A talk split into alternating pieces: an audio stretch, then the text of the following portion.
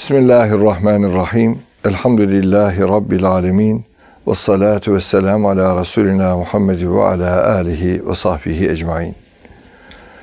Aziz dostlar, değerli kardeşlerimiz, İslam ve Hayat programında bugün Nurettin Yıldız hocamla hepimizin yakından yaşadığı bir hadiseyi, bir depremi de konuşacağız. Daha doğrusu bir Müslüman olarak bu nevi hadiselere nasıl bakacağız? Bunu inşallah efendim e, sizlerle birlikte bir sohbet olarak yapmış olacağız adeta.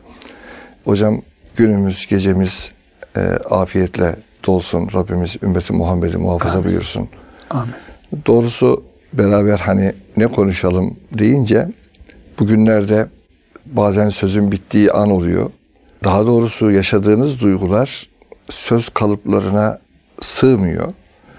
Bu yönüyle konuşsak mı, sussak mı gibi bir gelgit de yaşadığımız oldu. Ama biz iman eden elhamdülillah Rabbimizin lütfuyla, keremiyle, o iman nimetiyle buluşan kullar olarak her hadiseye karşı Rabbimizin bize nasıl bakacağımıza dair gösterdiği bir çerçeve var. Ee, biz bu hadiselere e, imanımızın gözünden, e, imanımızın gözlüğüyle, onun verdiği basiretle nasıl yaklaşacağız? Bu musibete muhatap olan kardeşlerimiz nasıl bakacak? Bu musibetin zahiren dışında olan ve onlara karşı bir kardeşlik sorumluluğu hisseden müminler olarak nasıl bakacağız? Bu çerçevede inşallah konuşalım ve Rabbimizin razı olacağı bu imtihanlardan da razı olacağı bir şekilde çıkmaya ya da muvaffak olmaya gayret edelim. Yine Rabbimizin lütuf ve keremiyle. Evet hocam ne dersiniz? E, nereden başlayalım? Bismillahirrahmanirrahim. Evvela hocam bu büyük felakette Rabbimize gönderdiğimiz vefat eden mümin kardeşlerimize Allahu Teala'dan büyük rahmetler mağfiret edilmiş ve cennete doğru yürünmüş bir hayatın sahibi olmalarını nasip etmesini dileyelim. Evvela buna başlayalım.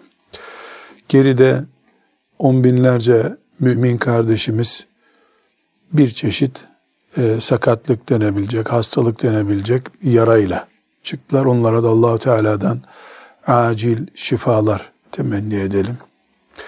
Ve her ne kadar bedeninde bir arıza, hastalık olmasa da milyonlarca kardeşimiz yüreklerindeki yarayla, kaybettikleri insanlarla, kaybettikleri mülkleriyle, evleriyle, düzenleriyle, tertipleriyle, aile huzurlarıyla yaralanmış, darbe almış milyonlarca kardeşimiz var.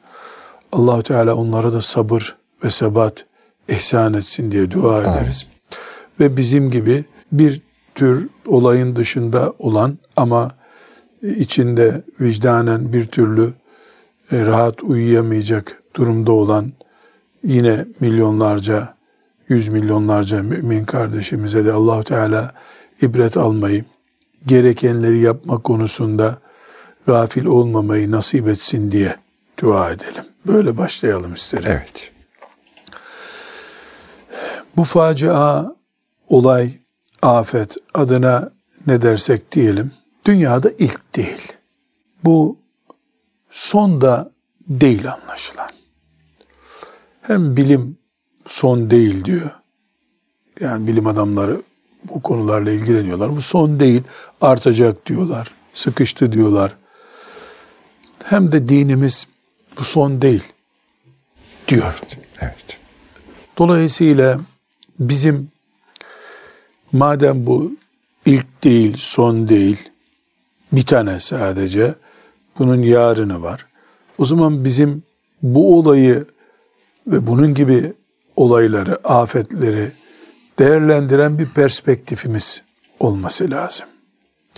Bu perspektifi iki uç yanlış noktadan ortaya çekmemiz gerekiyor. Birinci yanlış nokta Allahu Teala diledi, öldük, dilerse gene öleceğiz. Bizim yapacak bir şeyimiz yok. Oturalım, tesbih çekelim, oturalım, ağlayalım, sızlayalım diye özetleyeceğimiz mantık çok uç yanlış bir mantık. Evet. Ömer bin Hattab radıyallahu anh'ın imanı öyle değil. Bu hiç tartışılamaz. Öbür uç yanlış nokta çekiç var, kazma var, kürek var, beton var. Devam edelim biz bina yapmaya. Bunların sağlamını yaparız. Kimse bize karışamaz. Bu da yanlış. O da yanlış evet. Bu öbür zıttın zıt tarafı. Bunun ortası var. Bu ortası ashab-ı kiramın iman ettiği şeydir. Kur'an-ı Kerim'in gösterdiği şeydir. Kur'an-ı Kerim وَاسْتَعْمَرَكُمْ fiha buyuruyor. Dünyayı imar etme vazifeniz var diyor. Dünyayı imar etmek ne demek? Allah'ın verdiği aklı en mükemmel şekilde hilesiz ve tilkilik yapmadan kullanmak demektir. Tilki gibi değil. Akıl kullanmak, tilki de zeka kullanıyor, akıl kullanıyor ama tilkice, hilebazca. Allahu Teala'nın verdiği aklı kullanarak dünyayı imar etmek Müslümanlığın gereğidir. Kur'an-ı Kerim'in emridir. Evet. Binaenaleyh ortası nedir bunun? Keşke bizden önceki nesiller önceki olaylardan ibret alsalar da böyle facialar biz yaşamayacağımız bir mantıkla hayatı tertip etselermiş keşke. Olmadı. Onların hesabı Allah'a kaldı. İyi mi ettiler, kötü mü ettiler? Bizim böyle bir muhakeme yapmamız hem doğru değil, hem zamanı değil, hem hiçbir zaman hakkımız olmayacak. Ölmüş insanlarla ne konuşacağız? Ama biz bugün bundan ibret alacağız. Bu ibretimiz de iki noktada olacak. وَاسْتَعْمَرَكُمْ fiha Dünyayı imar etmek, sadece imar bakanlığı kurmak değil. En alt kademeden en üst kademeye kadar herkesin en iyisini, en güçlüsünü, en tedbirlisini yapma mecburiyetimiz var. Bu Allah'ın emridir. Evet. Öyle değil mi hocam hadis-i şerifte? İnne Allahe ketebel ihsan ala kulli şey. İnne Allah yuhibbu ize amile ahadekum amelen en, yutkinehu. O da var. İkisi de var. En iyisini yapmanızı istiyor Allahu Teala. En, en iyisini. En sağlam. En iyi en nedir? Iyisini, evet. En yüksek değil. En alçak değil. Yani en kalite neyiz? 100 sene önce kalitenin adı başka bir şeydi. Şimdi başka bir şey. 20 sene sonra başka bir şey. Belki 20 sene sonraki teknoloji ve imkanlar insanlara bugünkünden daha farklı, daha güvenli bir mantık oluşturacak. O zaman bütün binaları yıkıp yenisini yapmak farz olacak. Evet. Çünkü o günkü nimetlerden o günkü kullar sorumlu olacak. Demek ki imarda da bir farz vacip herhalde var değil mi hocam? Var tabi. Harama yani, düşmek de var. Yani Efendimiz sallallahu aleyhi ve sellem ne buyuruyor? Mümine kendisini zillete düşürmek caiz olmaz. La yenbagî li mümin en yüzille nefse. Ya Resulallah nasıl kendisini zelil eder ki, düşürür ki adam? Kaldıramayacağı şeyin altına girer diyor. Yani yanlış işler yapar. Mümin tedbirli insandır. Evet. Ee, evet şizofren insan değildir. Şahsiyeti vesveseleşmiş bir insan değildir ama tedbirli insandır mümin. Bir, bunu dersini çıkaracağız. İki, ya bu dünyanın sabahı yok aslında ya. Bu dünyanın akşamı yok ya. Akşam yatıyorsun sabah yoksun işte. O kadar. Dünya bu yani. O İbn Ömer hadisi radıyallahu anh'a ne kadar güzel. Akşamı e, bulduysan sabahı bekleme. Sabahı bulduysan akşamı bekleme ama yaşa. Yaşa. Yani ölüme koşma. Her anın hakkını ver değil mi? Yani şu evet. anın kıymetini bil. Sonrası ya nasip de. E, dolayısıyla iki tedbir, iki akıllılık bu olayın bize ders olmasını sağlayacak. Birincisi imar. Dünyayı güçlü bir donanımla sahiplenmek. İki, ya Allah'tan başka kalıcı yok dünyada işte. Özeti bu ya. Biraz önce bir arkadaşım, doktor arkadaşım orada kaybolmuş doktorların listesini gönderdi ya. Yüzlerce doktor gitmiş diyorlar. Hadi bunun yüz tanesi doğru olsun. Yani Gidiyorsun ya akşam insanlara hayat kazandırmak için varsın. Sabahleyin sen ölüsün. Evet. Dünyanın özü bu. Ama hiç ölmeyecekmiş gibi yaşamak gereken bir dünyada sabah olmaz diye beklemek basirettir. Şuurdur. Ashab-ı kiramın aklıdır bu. Bu akıl bize de ebedi bir şekilde lazım. Bu iki şeyi yakalayabilirsek nesil olarak konuya ben Artık nesil olarak bakıyorum yani. Evet. Biz işte bu 1900'li yıllarda yaşamışların çocuklarıyız. 2000'li yıllarda yaşıyoruz. 2050-2080'lerde biz yargılanacağız nesiller tarafından. Şu an dünya nöbeti bizde yani. Nöbetçiyiz. Evet. Bu nöbette e, bir nöbet hatası yaptıysak bunu Allahu Teala'nın ahirette sormasından önce e, çocuklarımız, torunlarımız bizden soracaklar. Ne nöbeti tuttunuz siz diyecekler. Niye üç kuruş menfaat et- edeceğiz diye hem canınızı hem bizim canımızı tehlikeye attınız diyecekler. Mümin insan muhasebesini ölmeden önce yapan insandır. Bu muhasebe sadece Allahu Teala içki içtin mi diye soracak muhasebesi değil ki. Nerede yaşadın, nasıl yaşadın, çocuğuna ne sağladın, ne kazandırdın, ne kaybettirdin bunları da soracak Allahu Teala. Yani iki uç noktadan kaçıyoruz. Birincisi boş ver tesbih çek bu iş kurtulur. Bu böyle değil. Ee, Allahu Teala böyle bir dünya göndermedi. İkincisi de yok Allah haşa yok e, hep her şey çekiç ve çimentodan ibaret. Yani bu da yanlış. Bu, bu yanlış değil bu batak yani böyle bir şey yok. E, vicdansız ve maneviyatsız bir dünya yok ki böyle düşünelim. Sonra bizim problemimiz sadece deprem anında, afet anındaki bir proje değil ki bu. Gıdada da böyle düşünmüyor muyuz biz? Gıdamız için de böyle değil mi? Eğitim için de böyle düşünmüyor muyuz? Sadece medresede Arapça okumak yeterli mi cennete girmek için? Kimden ne yiyeceksin, ne içeceksin? Hani e, bir sahabi geliyor da bir kardeş e, sürekli ibadetle meşgul. Öbür kardeş de tarla çalışıyor, Çalışıyor. rızık ediyor. Ne buyuruyor Efendimiz sallallahu aleyhi ve sellem? Ne biliyorsun? Belki onun bereketiyle sen de yani yaşıyorsun. Bu yani birbirimizin e, tek parçası değiliz. Yani tek kanatlı olamıyoruz bu hayatta. Bunu öğreneceğiz. İkincisi de dünyanın faniliğini ders olarak çıkarmamız lazım. Bir de üstadım çok önemli bir noktayı e, tekit etmek istiyorum. Yani iki hafta oldu neredeyse bu faciayı yaşadığımız. Allah tekrarından bizi ve nesillerimizi muhafaza buyursun. Amin. Gafil olmaktan da muhafaza Amin. buyursun. Yani ummadığımız kadar güzel ve iç açıcı, neredeyse yaramızı unutturacak kadar güzel bir yardımlaşma Evet. tek vücut olduğumuzu gösterme sahneleri. Yani işi gücü yerinde doktor, iş adamı insanlar. E, Yani paldır küldür hesap kitap yapmadan, yol açık mı bakmadan böyle arabasına bagajına bir şey doldurup gidiyor. Tırlar kilometrelerce kuyruk oluşturacak kadar yardım dolu. Bu çok güzel bir şey. Ümmet olmanın güzelliği zannediyorum. Elhamdülillah. evet, elhamdülillah. Yani ümmet olmak, tek vücut olmak bu e, yani böyle sahne. Fakat e, tabii ki e, insana şöyle bir soru da soruluyor. E, sorulu, soruyor e, muhasebemiz. Yani illa böyle bir afet mi lazım kardeş olmak için? Değil tabii ki. Fakat bu can boğaza geldiği için Evet, evet. herkes bir hareketlendi.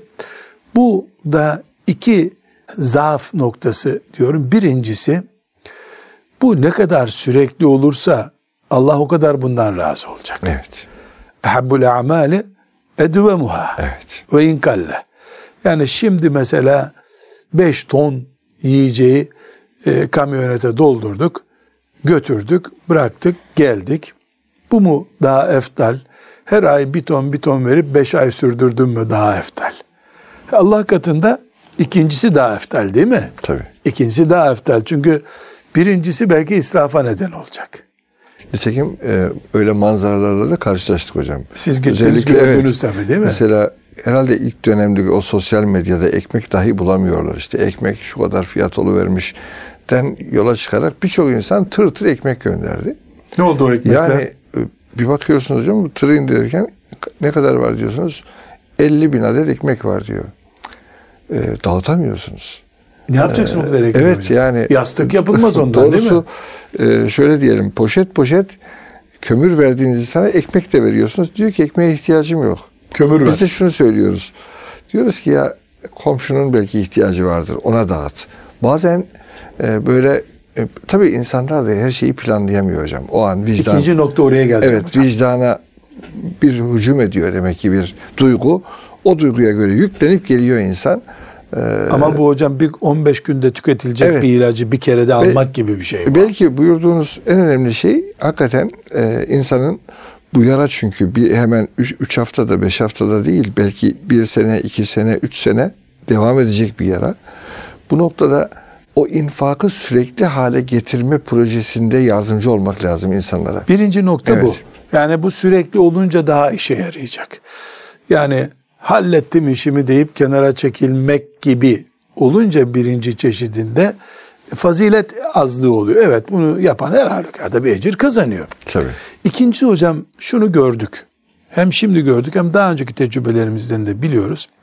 Şimdi ben İstanbul'dan arabamı doldurdum. Gidiyorum. E, bu bir bölge işte yani mesela ben bu şehir isimlerini sık sık anmayı içime yediremiyorum. Oradaki müminlerin acısı hep tazeleniyor. Doğru. O şehir böyle afet şehri gibi adı kalıyor.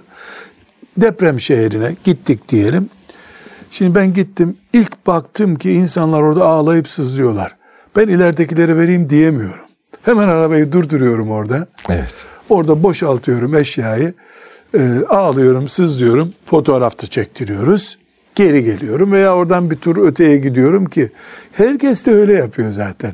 İlk gördüğünde ilk afet bölgesinde arabasını boşaltıyor. E ne yapacağım başka türlü zaten ben yani bütün deprem bölgesini bir haftada dolaşamam.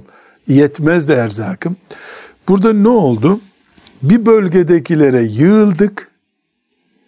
Gerisini ihmal ettik. O yığılma oradakilerin israf düzeyine geldi elindekiler artık. Bu sadece bir üst çatının, devlet çatısının organize etmesiyle ancak giderilebilecek bir sıkıntı. Evet. Devlet de becerip getirin vatandaşlar, hepiniz getirin, teslim edin bana.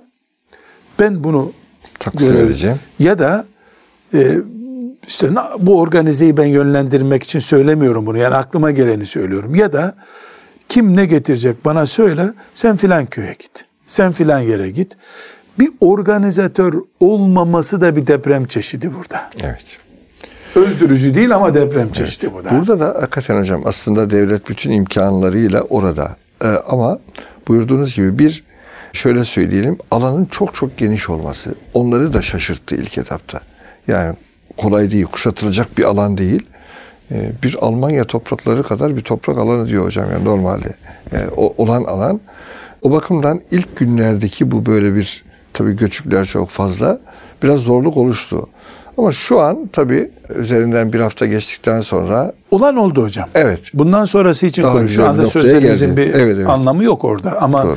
bundan sonra da şunu bilmeliyiz ki Ya bu da illa- önemli bir tecrübe yani, Yani hakikaten. ben ben götürüp illa vermem gerekmiyor. Gerekmiyor. Allah Tabii, rızası tabii. için sadaka ise. Elbette. Yani orada bir koordine merkezi oluyor. O merkeze ben nereye gideyim? O da muhakkak önünde bir dosya var. Filan yere kimseyi göndermedik kardeşim. 25 Oraya git. kilometre ötede oraya git. Bu yapılmadığı zaman yani bir yere yığmaya gidiyoruz eşyamızı Evet. oluyor. Ben kulağıma gelen şeyleri konuşmak istemiyorum. Şaya sonra e, tahakkuk eder diye korkuyorum. E, yani çok zayiat olmuş böyle. E, hem mesela birinci gün bu organize olsaymış belki facia bu kadar olmayacak, aç kalmayacaktı insan. Belki battaniye her yere ulaşmış olacaktı. Yani bir kişiye 20 battaniye verilmiş gibi oldu. Doğru. Gibi sayıyorum. Hep böyle oldu dememiz de yanlış. Tabii. Yoksa orada kimse hayatta kalmazdı şimdi Allah muhafaza buyursun ama ben şunu söylemek istiyorum hocam. Siz bir vakıfsınız, ben de bir vakıfım, filanca da bir vakıf. Evet. Üçümüzde de iman var elhamdülillah. Elhamdülillah. Uykuyu kendimize caiz görmedik. Hemen doldurduk kamyonetlerimize. Gittik. Bu bizim imanımızın gereği. Ama gidilmesi gereken yere mi gittik? İlk duygusal sahneyi gördüğümüzde yere ağlayan iki çocuk gördüm. Ben orada durdum. Ne varsa bıraktım gittim işte. Evet. Yani cebimdeki harçlığı da verdim diyelim. Ama yapılması gereken bu muydu? Bir kere vakıflar olarak biz bu işten vakıf diyorum da yani cami Tabii. derneği veya 10 tane Müslüman illa vakıf olmamız şart değil. Biz bundan yüzde yüz mesul değiliz. Yüzde yüz devlet mesulü bundan. Evet. Yani O organizasyondan ben, ben buradan banka hesabıyla da para göndersem vazifemi yapmış olurdum. Değil mi? Yani ben yüzde yüz mesul değilim ama orada devlet yüzde yüz mesul. Hem dünyada halkına bir hesap verecek hem de ahirette bu insanlar ne ettiniz kullarımı diye bir hesaba çekilecekler. E dolayısıyla yani bir üst isim olmadığı zaman biz kaş yaparken gözde çıkarmış olabiliriz. Yani mesela düşünün ki ben bir insanın tuttum molozdan kaldırdım. Ee, kaldırırken de moloz elimden düştü. Adamın kafasına vurdu. Öldürdüm adamı. Ben bundan mesulüm. Çünkü Evet, ehliyetim yok. e, bir sertifikam yok. Daha önce hiç bunun ne kursunu duydum. Normal çimento torbasını tutmamış bir adam ben. Yani moloza nasıl müdahale edeceğim? Ama devlet bunu yapsa daha profesyonel yapması gerekiyor. Elbette can havliyle bunlar konuşulacak, düşünülecek şey değil ama şimdi Evet, dü- evet. düş- bunu düşünüyoruz. Yani bu bir, kolay bir şey değil. Hatta hocam fakir tabii az çok öğrenci hizmetleriyle de e, ilgileniyoruz. E, şunu düşündüm. Yahu dedim her birimizin bu AFAD'ın her- çok profesyonel olamayız ama belli alanlardaki bilgileri öğretmek e, ilmihalin bir parçası. Yani hele hele deprem bölgelerinde yaşıyoruz. Her an her türlü afet olabiliyor. O zaman her birimizin belli seviyede de olsa bu tür konularda bilgi beceri kazanmasının son derece önemli olduğuna Belki yeniden siz ve iman ben ettim. gibi yaştakiler değil de genç kardeşlerimiz belli şeyleri bilmesi tabii ki hocam. Biz de Evet. bilelim de ama yani gençler 20 yaşındaki birisini bilmesi çok daha farklı tabii. Elbette. Daha umutlu bir bilgi onunki. Yani bu bir acı hakikat tabii. Evet. Ama duygu öyle söylemiyor. İçimizdeki hissiyat o anda öyle söylemiyor. Asılıyorsun. Belki Tabii. de adamın ayağını koparıyorsun aşağıda yani. Evet. E, hiçbir zaman bir doktor gibi hastaya müdahale edemiyorsun. Edemiyorsun. Hiçbir zaman profesyonel birisi gibi bir müdahale. Bir arkadaşım güzel bir söz söyledi ya hiçbirimiz köpek kadar becerili değiliz dedi ya dedi. Köpek bizden iyi dedi. Koku alıyor dedi. Buraya müdahale edin. Biz tonlarca molozu kaldırıyoruz. Alttan birisini bulacağız. Köpek bir taş parçasını Nokta gösteriyor. Bunu yapıyor, kaldırın diyor. Yani allah Teala hepimize bir kabiliyet verdi. Köpek de orada işe yarıyor işte. Hem de ne işe yarıyor? Yani can kurtarıyor. Bu sebeple e, ikinci bir nokta da yani bir organize, sürekli hayır çok önemli. Evet. Organize çok önemli. Evet. Organizenin olmadığı yerde ağlayıp sızlayıp bağırarak üstelik de birbirimize gireriz orada. Sen nereye asıldın, buraya asıldın diye yani e, çok hoş olmayan sonuçlara da ulaşabiliriz. Evet. Allah göstermesin. Bu sebeple organize çok önemli. Bunu devletten başkası bu ülkede yapamaz. Hiçbir vakıf, hiçbir kurum bu noktaya gelemez. Gelemez. Gelirse bir problem zaten. Yani çünkü tek vakıf değilsin Elbette. ve devlet gücün yok senin. Diyelim ki 100 şubeli bir vakıfsın. E, Neticede 100 tane ofisin var. Ama muhtarından, imamından, müftüsünden, kaymakamından binlerce insan emrinde olan bir devletin gücü çok önemli burada. Elbette devlet yöneten kardeşlerimiz bizim kadar bunu düşünüyorlar.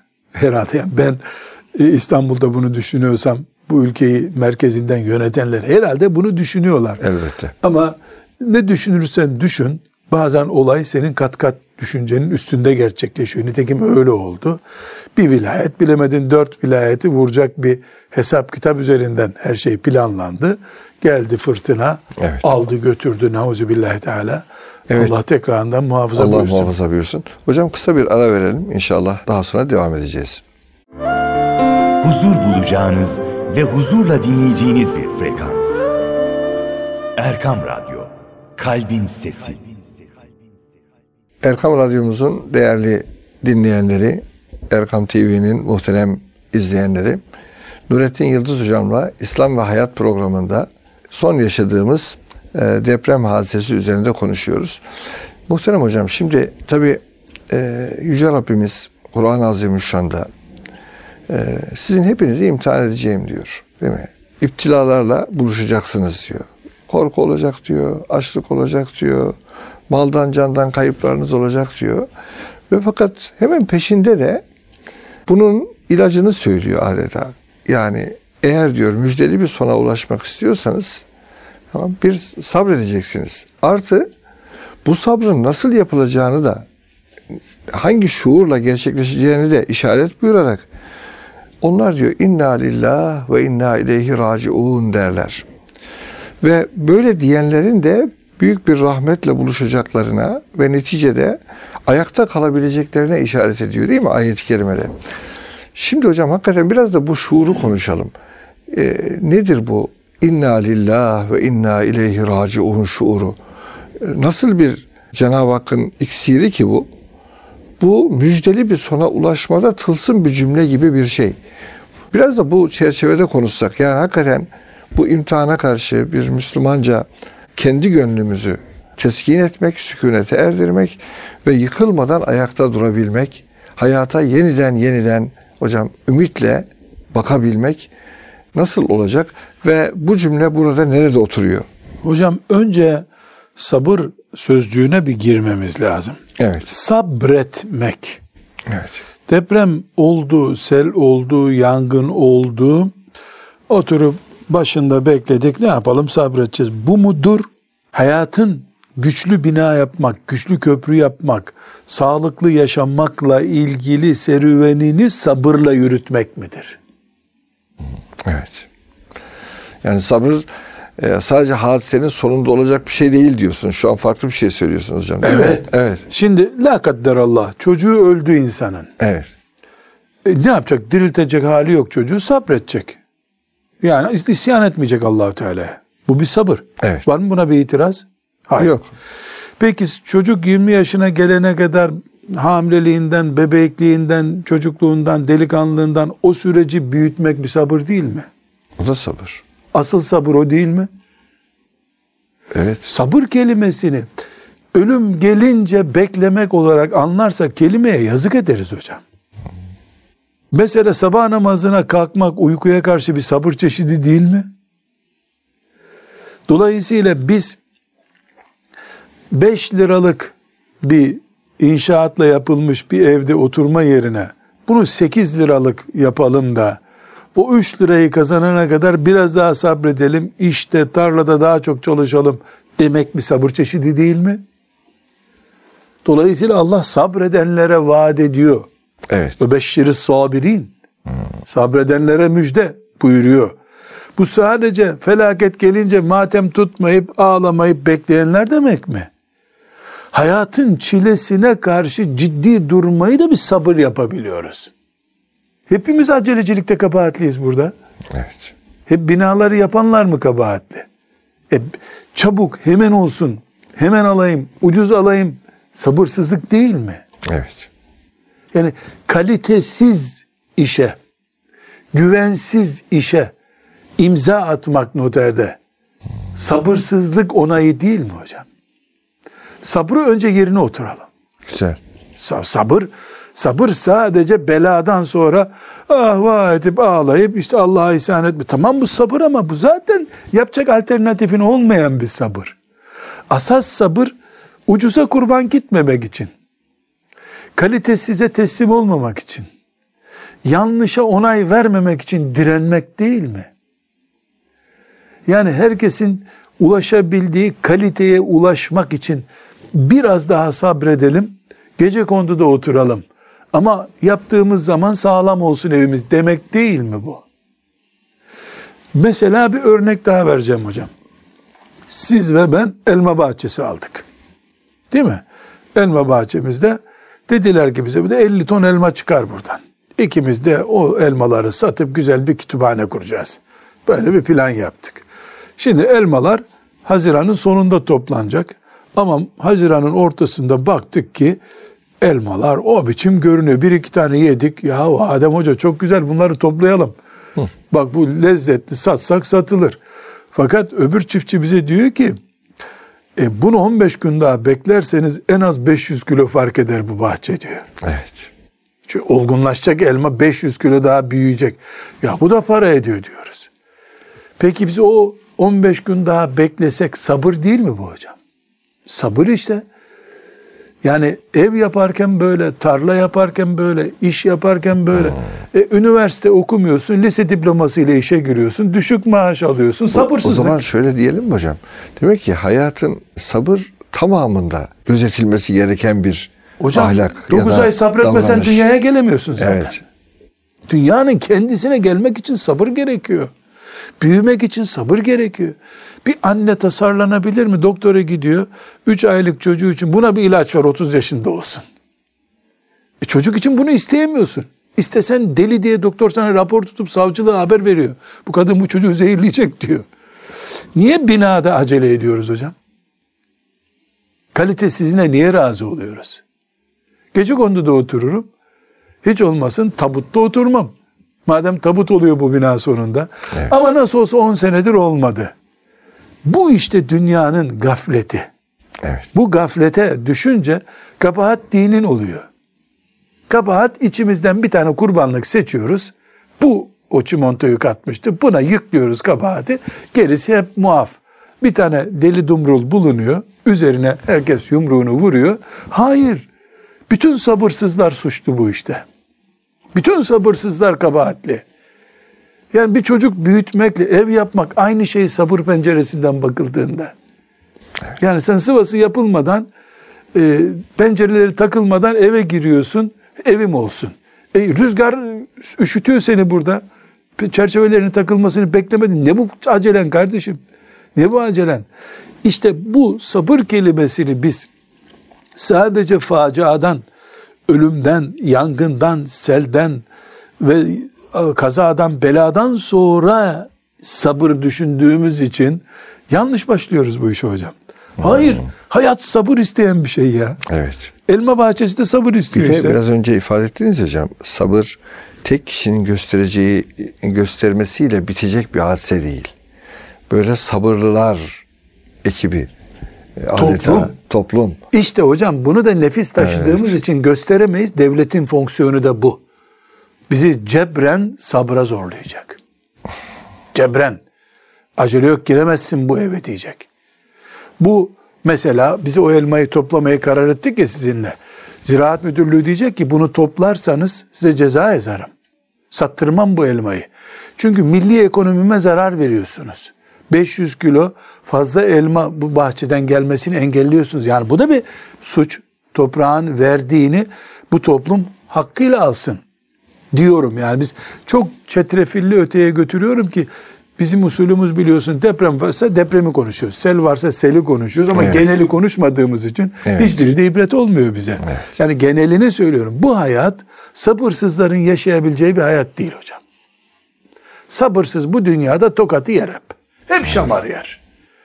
Kaderin şamarını yer. Sonra da kabahati kadere bulur. Kadere niye kabahat buluyorsun ki sen? Allahu Teala sana çimentoyu keşfettirdi, demiri keşfettirdi. Senelerce üniversitelerde mühendislik okutturuyor sana Teala. Bunlar Allahu Teala ihsan etmedi mi kullarına? Çimentoyu kim yarattı?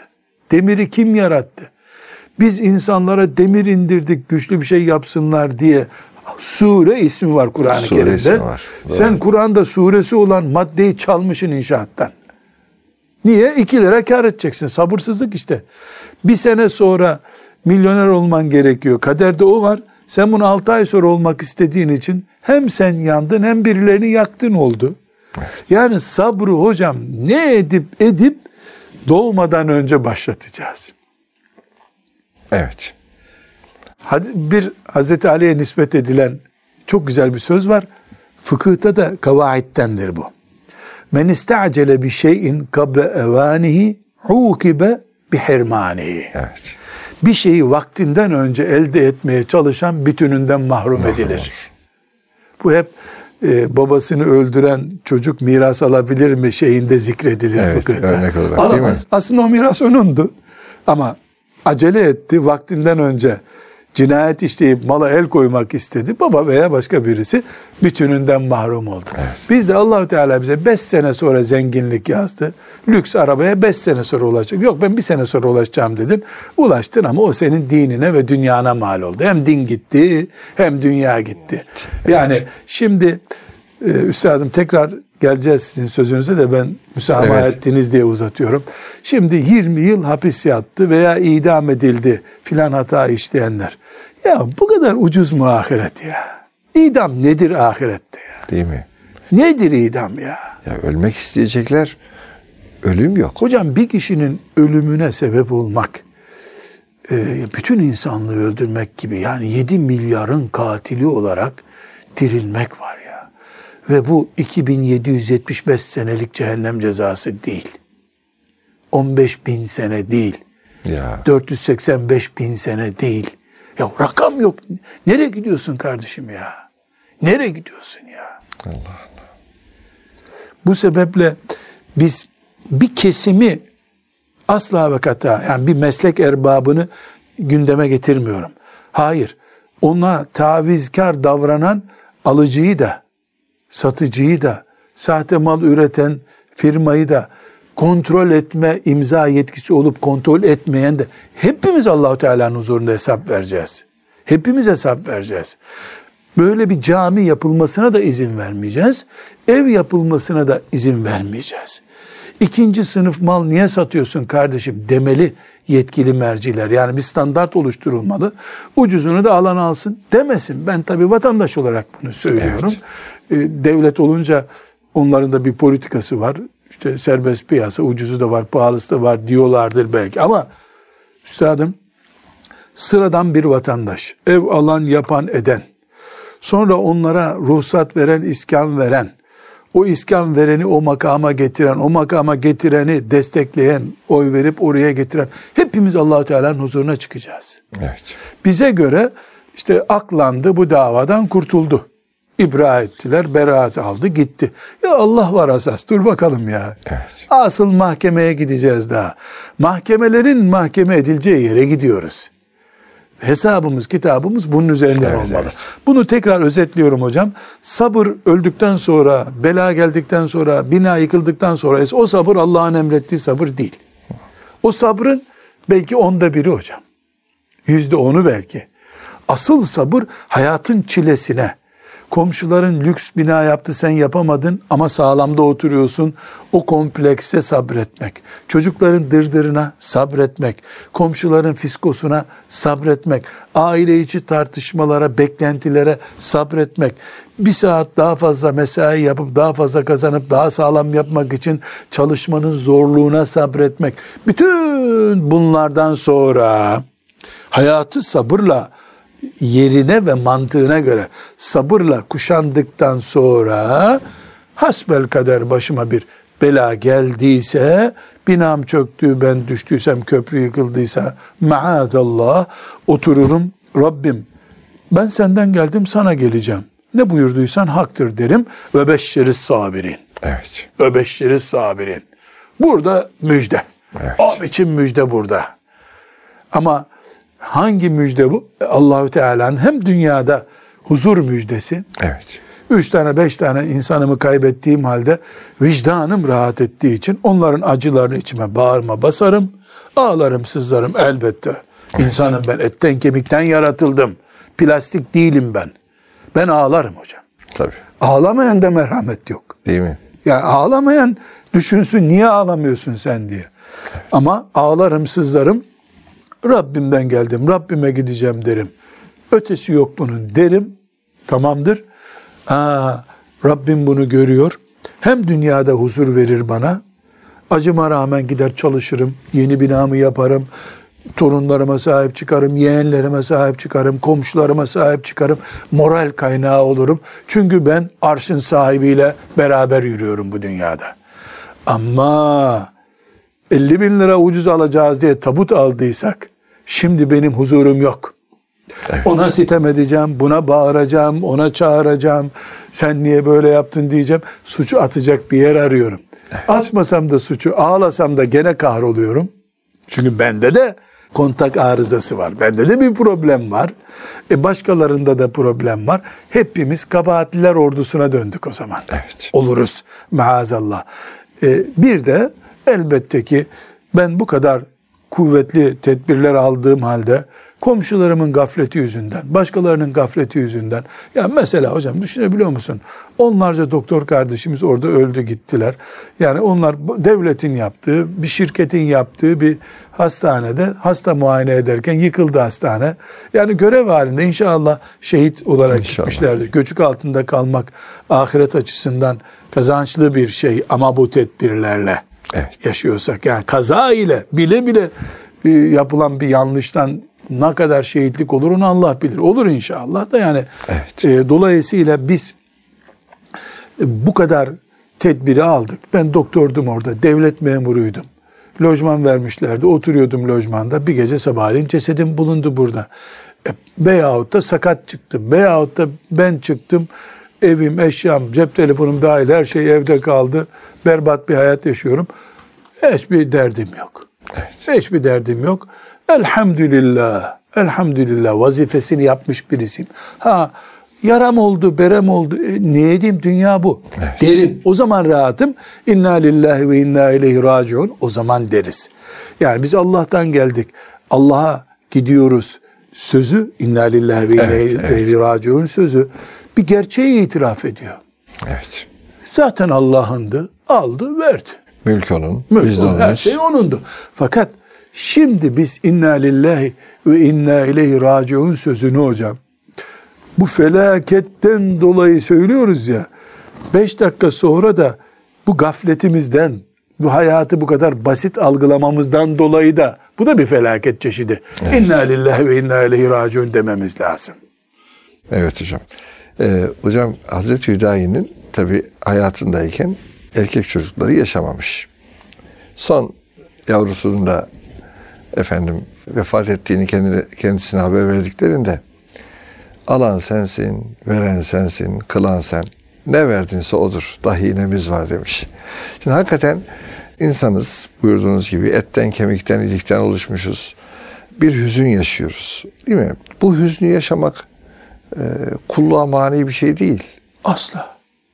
Asla. Alimlerin fahri Cafer, ebedisi Cafer yaşamış. anh'ın şehadet haberi gelince Hüsa, Zeyd'in, Hüsame'nin babası Zeyd'in, Abdullah İbni Revahan Efendimiz gözyaşları akıttı. Gözyaşları akıttı tabii.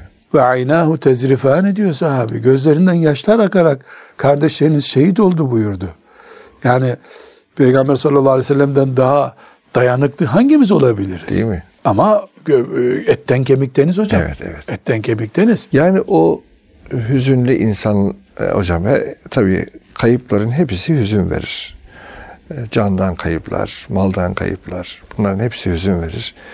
O hüzünlü insanın e, hayata yeniden e, başlayabilmesi adına e, doğrusu hani Resulü Zişan Aleyhisselatü Vesselam Efendimizin ve peygamberlerin hayatlarına baktığımız zaman e, alacağımız bir model dediğimiz zaman neler söyleyebiliriz? Birkaç cümlede orada söylesek. Hocam ağlamak var.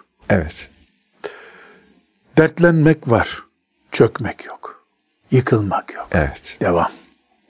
Uhud'da amcasını kaybetti. Sallallahu aleyhi ve sellem Efendimiz.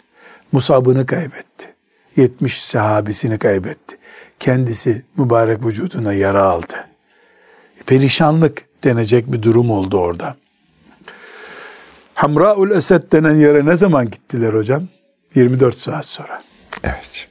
100 kilometre düşman kovaladılar. Bu o yara sonra. dere içerisinde. Yüzlerce sahabenin de kolu kopmuş, ayağı yarılmış yani. Sadece 70 şehit var diyoruz. 700 tane de yaralı var orada. Tabii. Herkeste de bir yara var. Yani kimi ok almış, çıkarmış oku, çaputla bağlamış. Yola devam. Ya Hamraul Esed haritada bir bak hocam kaç kilometre ötesi ya. 24 saat de geçmemiş aradan. Düşman da bunlar yeni ordu kurdular zannedip kaçmaya başlamışlar. Aslında onlar bunlar zaten yaralı deyip geri gelseler belki daha büyük facia olacak. Buyuz biz hocam. Biz ümmetiz. Cenazemizi gömer, oturur, ciddi bir şekilde ağlar, sızlar, ne yaparsam yaparım, kucaklaşırım, işime giderim. Evet. İşime giderim. Hocam fıkıhta çok güzel bir kaide var. Diyor ki bir mümin kardeşimizin işte babası öldü, dedesi öldü, Evet. birisi öldü. Normal bir ölüm. Taziye insanlık görevi, din görevi. Fakat aynı şehirde oturanlar üç gün taziye yapabilirler diyor. Dördüncü gün Mekruh. Sadece uzak mesafeden bunu öğrenenlere 15 günden sonra izin veriliyor. 15 gün kadar izin veriliyor. Hocam bu çok ince bir nokta değil ya, mi? Çünkü Allah. adam bir ay olmuş hala ah baban senin ne adamdı bir kucaklayayım seni diyorsun. Adam yeniden ölüyor babası. Ne zaman işe gidecek? Çocuklarıyla ne zaman meşgul olacak? Ya. Bir devlet memuru ise ne zaman vatandaşın işini görecek? Bu acı ile acılanmak yok. Ölenle ölmek yok. Atalarımız demiş ya ölenle ölünmez diye. Evet. Hayır. Evet. Başımızda bir bela var. Bu bir bela yani tarihte nadiren görülmüş bir şey. Ama bu hayatı kim devam ettirecek? Evet. Her ölenle yakınları ölse bugün nesli biterdi insanlığın. Evet hayvan gibi bırakıp ölülerimizi e, ne yaparsa yapsınlar. Haşa böyle bir şey olur mu? Biz Müslümanız. İnsanız. Yani bırak Müslümanlığı insanız biz. E biz bunu elbette yapamayız ama ölenle de ölmeyeceğiz. Evet. Kolu kopanla kolumuz kopmayacak. Ona kol olacağız. Ben de ağlarsam kol, ol, kol olamam. Bir misal çok hoşuma gider hocam. Müsaade ederseniz Buyurun onu da zikredeyim. Uçağa bindiğimizde e, hep böyle bir 500 kere uçağa binmişimdir belki de daha fazla. Bıktım onu dinlemekten ama kanunen dinletiyorlar. İşte sayın yolcularımız ben kendi dilimle anlatıyorum. Bir e, hava daralma durumu olursa maskeler inecek. Çocuğu olanlar önce maskeyi kendileri taksınlar sonra çocuklarına taksınlar diyor. Ya bir anneye denir mi maskeyi önce kendin tak? Bir anne bir ölüm kurtu ölümden kurtarıcı bir şey varsa bir maske önce onu kime takar? Bebeğine Çocuk, takar. Çocuğuna takar. Hayır. Evet. Öyle yapma diyor. Bu mantıklı bir şekilde olayın üstüne gitme şey. Ben bunu bir gün bir baş hostesi çağırdım. Bana anlatır mısın dedim ya. Bunu bir anneye nasıl inandırıyorsunuz siz? Hadi babalar tamam doğru söylüyor ben takayım önce. E dedi ki beyefendi dedi. Çocuk genelde niye takıyorsun filan sorar, mızmız eder. Zaten bir yarım dakikaya yakın kurtulma süresi var orada diyor. O yarım dakikayı çocuğuna taktı takmadı maskeyi derken geçer ikisi de ölür burada diyor. Ama anne 5-10 saniyede o maskeyi takarsa ondan sonra anneyi kurtarmış oluruz. Çocuğuna kalan süreyle de epey bir ihtimal çocuğu da kurtulur diyor. Demek ki yani annenin hayatta kalması lazım. Çocuğun evet. hayatta kalması için. Tersini düşündüğüm, duygusal düşündüğümüzde çocuk da ölüyor aslında. Evet, evet. Çocuk da ölüyor, anne de kendisi de ölüyor zaten. Anneye de bir süre kalmıyor. Biz şimdi duygusalız ama duygusallığın yeri değil. Devlet ciddiyeti olduğu gibi devam edecek. Vakıflarımız olduğu gibi hayra süreklilik kazandıracaklar.